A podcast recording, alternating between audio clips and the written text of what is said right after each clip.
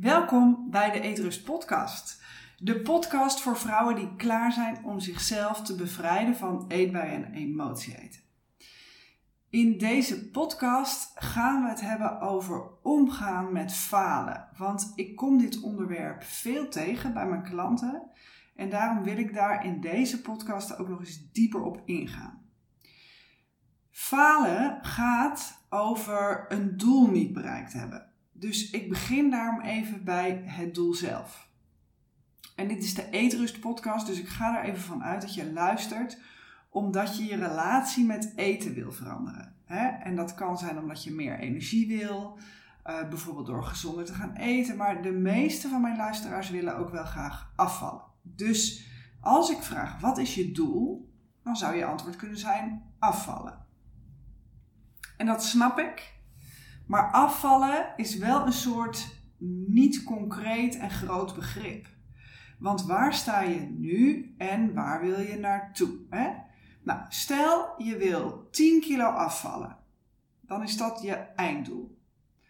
Nou, jij weet ook dat je dat niet over twee weken geregeld hebt. Zeker niet als je het op een duurzame en gezonde manier wil doen.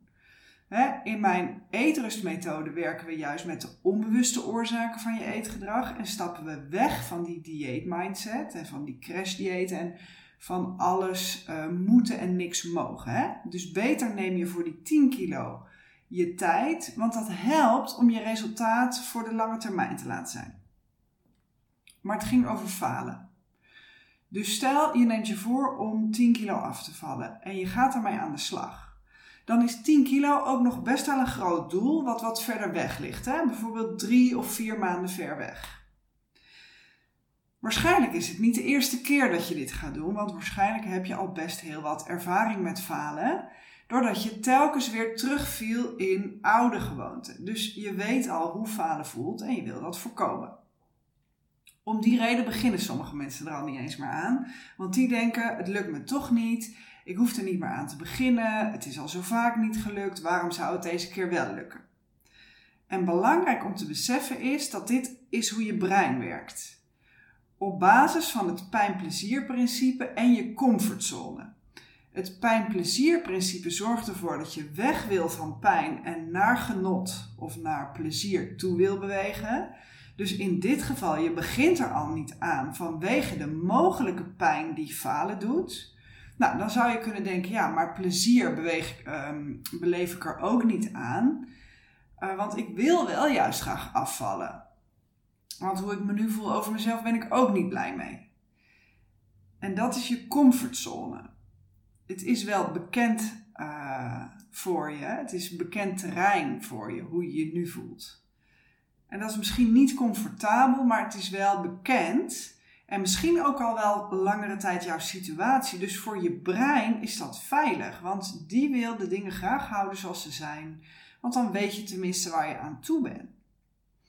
Dus die twee dingen, het pijn-plezier-principe en je comfortzone, zijn mechanismen in je brein die een supergrote invloed hebben op het feit of je in beweging komt of niet. En dit is het ding: je goud ligt buiten je comfortzone. Dus als je bereid bent om die mechanismen in je brein te zien voor wat ze zijn, namelijk beschermingsmechanismen, maar er dreigt geen daadwerkelijk gevaar, hè? er staat geen tijger voor je neus, het zit in je hoofd, het zijn je eigen gedachten erover. Als je dat kan zien, dan kan je de stap zetten om uit dat patroon te stappen. En voor de meeste mensen voelt dat heel spannend, want je weet niet wat je dan te wachten staat. Dat hoor ik ook veel van de vrouwen die instappen in mijn eterusprogramma. Die vinden dat super spannend omdat het nieuw is. En het is een heel andere aanpak van hoe je het tot nu toe gedaan hebt. En ik weet ook, die spanning is vaak na de eerste module al weg, maar vooraf is die er dus wel. Oké, dus je hebt dan de stap gezet om daadwerkelijk aan de slag te gaan. En dan word je geconfronteerd met je angst om te falen of Misschien ervaar je dat tijdens het proces. Hè, op momenten bijvoorbeeld dat je merkt dat het je nog niet gelukt is om je goede voornemens vol te houden. En dan voelt dat mislukt. En dat is een cruciaal moment. Want dit is het moment dat de meeste mensen denken: zie je wel, het lukt gewoon niet. dit is niks voor mij, ik wist het wel, ik ben gewoon een zwakkeling. Hè, misschien herken je hiervan wel gedachten die je bij jezelf ook wel eens hebt gehad. En hoe zou het zijn als je dit eens op een andere manier zou bekijken, vanuit een groeimindset? Het voorbeeld wat ik net gaf, dus dat je jezelf enorm gaat bekritiseren en jezelf daarmee direct ontslaat van je eigen voornemens, uh, is een fixed mindset. Nou, in die mindset is er maar één manier om het te doen. En het moet ook nog meteen allemaal helemaal goed zijn, want anders haak je gewoon af. Eigenlijk is dat ook een excuus, hè? Want je zet jezelf helemaal klem. En als het niet helemaal perfect is, volgens de methode die je van tevoren had uitgedacht, dan bouw je voor jezelf ook al de achterdeur in, de nooduitgang, waardoor je altijd kan ontsnappen. Maar je hebt zelf die lat zo hoog gelegd. Hè? Dus jij bepaalt wanneer het goed is en wanneer niet. En bij heel veel mensen bepaalt de weegschaal dat ook. Daarom is in uh, mijn visie ook uh, de dieet mindset uit en de weegschaal, uh, batterijen eruit en geef maar een tijdje bij de buurvrouw in bewaring. Omdat we veel te afhankelijk zijn van goedkeuring van de weegschaal. Maar als het ook goed mag gaan in plaats van perfect moet zijn, dan geef je jezelf al meer ruimte. Hè? Dus stel dat je je voorstelt, ik hou van metafoor om het uit te leggen, dus stel dat je je voorstelt dat je oude gewoonten een snelweg zijn. En op die oude snelweg wil je niet meer rijden, want je weet al dat die doodloopt. Want je hebt die oude snelweg al vaak genomen. En die heeft je ook niet geleid tot waar je wil zijn. met je gewicht, met je energieniveau, hoe je je voelt met en over jezelf. Wat je wil is een nieuwe weg aanleggen en daar wil je op blijven rijden. En je hebt je navigatie ingesteld op je bestemming. Hè? Dus in dit voorbeeld die 10 kilo. Dat is waar je naar onderweg bent. Maar vanaf waar je nu bent kan je niet de hele route overzien, want het is wat verder weg. Dus daarom heb je een eerste tussenstop ingepland op jouw nieuwe weg. Hè? Bijvoorbeeld bij 3 kilo. Op die manier wordt je weg al overzichtelijker, want die 3 kilo die kan je wel al zien. En die 3 kilo kan voor jou ook wat anders zijn. Hè? Uh, uitgerust wakker worden, je kleding uh, die lekkerder zit, uh, dat je meer energie hebt door de dag heen. Maar wat het ook is, dat is je eerste tussenstop. Nou, dan ga je rijden op die nieuwe weg. En onderweg kom je erachter dat die weg helemaal nieuw is. Dus je navigatie moet ook even wennen, want die nieuwe route staat er nog niet helemaal goed in. Dus wat gebeurt er? Je neemt per ongeluk een afslag die jou van die nieuwe weg af laat gaan. Maar ja, die afslag die brengt je niet waar je wil komen. Dus wat ga je nu doen? Denk je nu, ik heb de verkeerde afslag genomen, laat maar zitten, ik ga terug naar huis? Of kijk je een stukje vooruit, waardoor je aan het einde van die afslag ineens een rotonde ziet.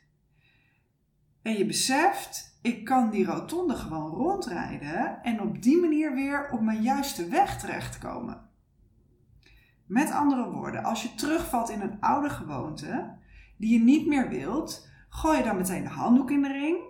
Of kan je dit ook anders gaan zien. Namelijk als een afslag die je niet wilde nemen, maar zie je de rotonde verderop en geef je jezelf de kans om die rond te rijden, zodat je weer op die gewenste weg kan komen. Nou, als je kiest voor die rotonde, dan zou je dus eigenlijk kunnen zeggen dat falen niet bestaat, maar dat het uitgesteld succes is.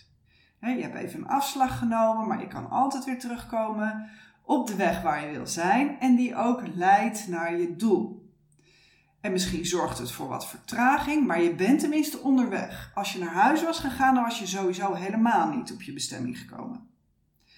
Dus wat ik je gun, is dat je uit deze podcast een aantal dingen meeneemt. En dat is dat je je doelen concreet moet formuleren, zodat je weet waar je jouw interne navigatie heen mag sturen. En dat je dus tussenstops, dus tussenliggende doelstappen inbouwt en bepaalt voor jezelf, zodat die rit overzichtelijker wordt en je dus ook meerdere succesmomenten voor jezelf creëert. En kijk ook eens wat je jezelf allemaal oplegt en vraag eens af, uh, vraag je eens af of dit je fixeert of dat je ruimte voelt om te groeien. En dus tussendoor ook wat uitgestelde succesmomenten mag hebben. Want de weg van zelfkritiek gaat je niet leiden naar een bestemming van gelukkig zijn en lekker in je vel zitten. Dus kijk met zachtheid naar jezelf. En met zachtheid bedoel ik niet dat je jezelf de hele tijd moet gaan zitten troosten met repen chocola of zakken chips. Maar wat ik bedoel met zachtheid is dat je leert om jezelf in een groeimindset te zetten, in een groeimindset te zetten. In plaats van dat je jezelf lam legt door die gefixeerde mindset. Want een afslag nemen wil niet zeggen dat je niet op je bestemming komt.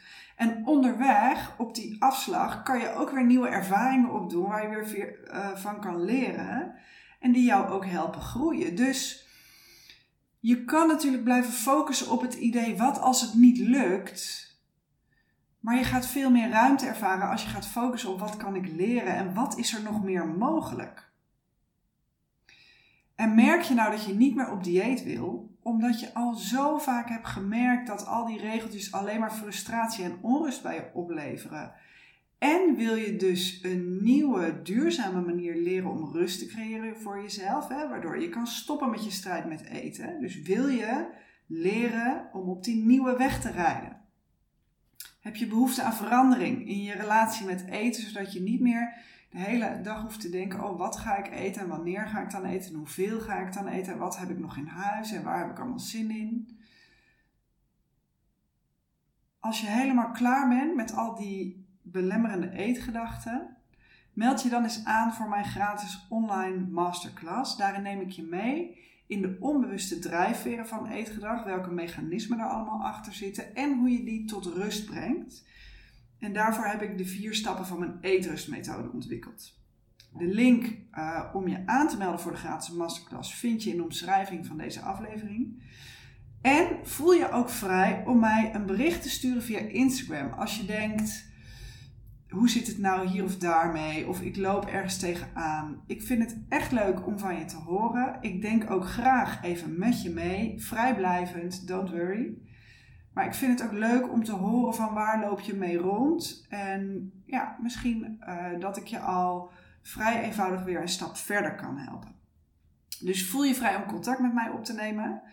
Um, en mijn uh, Instagram profiel zie je ook in de omschrijving van de aflevering. Het is hetheldvandes.nl, dus daar kan je mij vinden. Voor nu super dankjewel voor het luisteren of kijken als je de podcast op video via YouTube kijkt natuurlijk. En zorg goed voor jezelf.